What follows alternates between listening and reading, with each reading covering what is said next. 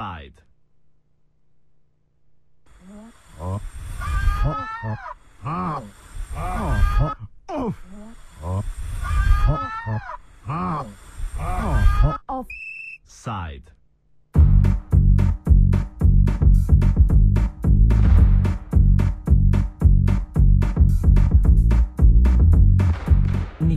Je še ena izmed afriških držav, ki je pred kratkim podpisala zakon o prepovedi porok in zvez istospolnih partnerjev, ki ga aktivisti za pravice istospolnih imenujejo zakon z geji uječo.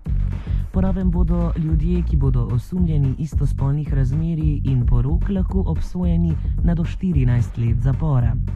Zakon sicer ne kriminalizira zgolj istospolno usmerjenih, pač pa tudi vse, ki so priča istospolni sodomiji in za vse, ki na kakršen koli način pomagajo istospolno usmerjenim osebam.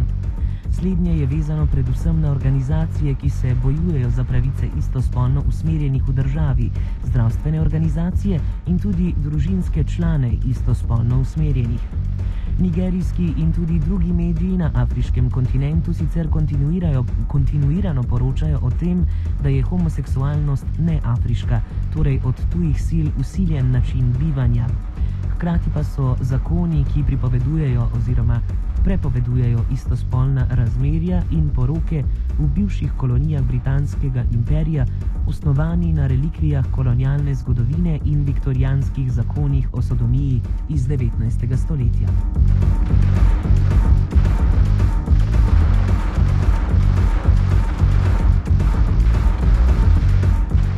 O tem, kaj pomeni podpis zakona za nigerijsko gejevsko in lezbično populacijo, smo se pogovarjali z nigerijskim aktivistom za pravice istospolnih, Džide Makolejem ter Mišelom Akondijem iz nigerijske organizacije Inicijative za enake pravice.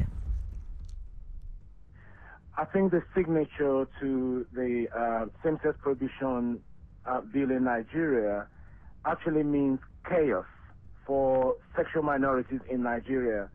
Um, the interpretation on the ground is different from the letters of the law. Um, at the moment, there are evidence of you know, extortion, blackmail, arbitrary arrest. Uh, there is panic in Nigeria from the east to the west and from the north to the south of Nigeria. Um, in the last 48 hours, there has been tremendous you know, influx of calls to our organizations, and people have been fleeing their homes. So signing that um, bill into law is absolutely catastrophic for the community itself. We've provided emergency numbers that we've been able to circulate to every member of the community to call, and that number is um, a 24 hours hotline that is open. There have also been arrangements for safe shelters for people who have been affected, who are also being targeted for violence. We've also been able to contact lawyers to be on standby, to also stand for them in case of arrest and other things like that. O tem, kako popisani zakon vpliva na organizacije, ki se na kakršen koli način ukvarjajo z istospolnimi in ostale člane družbe, ki imajo stike z njimi, sta sogovornika povedala sledeče. Well, the law for activists also is very problematic. It means that you can no longer do um, any kind of human rights work. You can't do interventions. Um, you can't have meetings. You can register an organization for even existing organizations that is not primarily a gay organization but supports interventions for gay people in Nigeria. This law immediately outlawed them from being able to meet and function to meet to meet the needs of sexual minorities in Nigeria. And of course, it is also a problem for other stakeholders like family members, you know, practitioners like doctors, teachers, and um, and anyone else that happens to know a gay person, you know, will fall foul of this law. So it's a problem for everybody, and the interpretation on the ground is very different uh, from the way that people see it. Um, you know, obviously the law is saying that is a prohibition of same-sex marriage, but at the same time, it looks like the law is absolutely discriminatory against any sexual minority of any kind at all, including their families and friends. Looking at the, the language of the law itself, it's not just only organizations that uh, provide services for LGBT Nigeria that is also affected. It also affects um, even some state governments that provide um, HIV/AIDS intervention service for those people. It also affects the national um, um agency itself that provides um, services on HIV/AIDS generally in Nigeria, because um, the agency provides intervention service for LGBT persons as it regards to HIV/AIDS. It also limits professionals from carrying out their duties like doctors, lawyers, and even family too. So it is not really just about LGBTI organizations or those that provide services for them. It also limits people who are professionals to also be able to carry out their services this vulnerable group.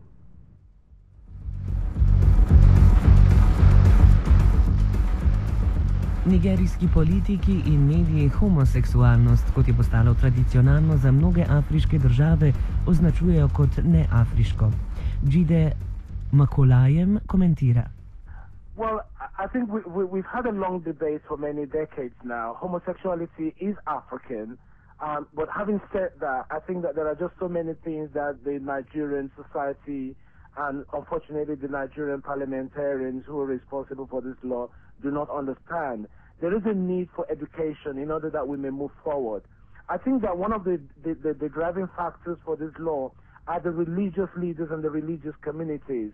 I think on this occasion they've got it wrong, totally wrong, and they are not actually speaking to the gay community in Nigeria. So it seems that this is going to be a revolution in itself because I think that the gay community in Nigeria are tired, and I think it's time that we begin to look at how we can move forward.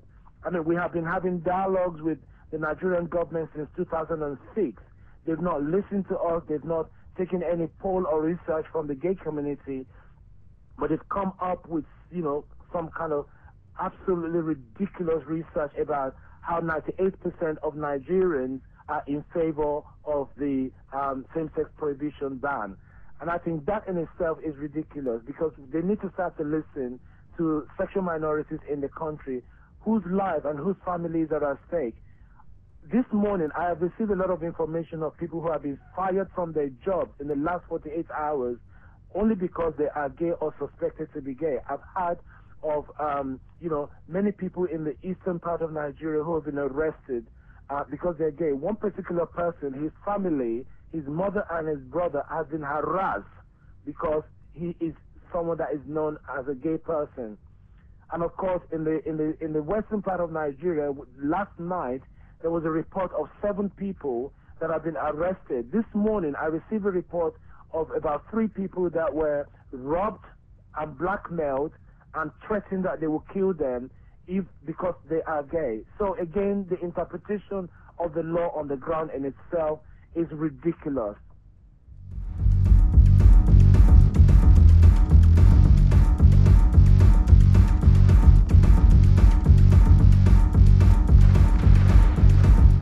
Offside je pripravila Anuša.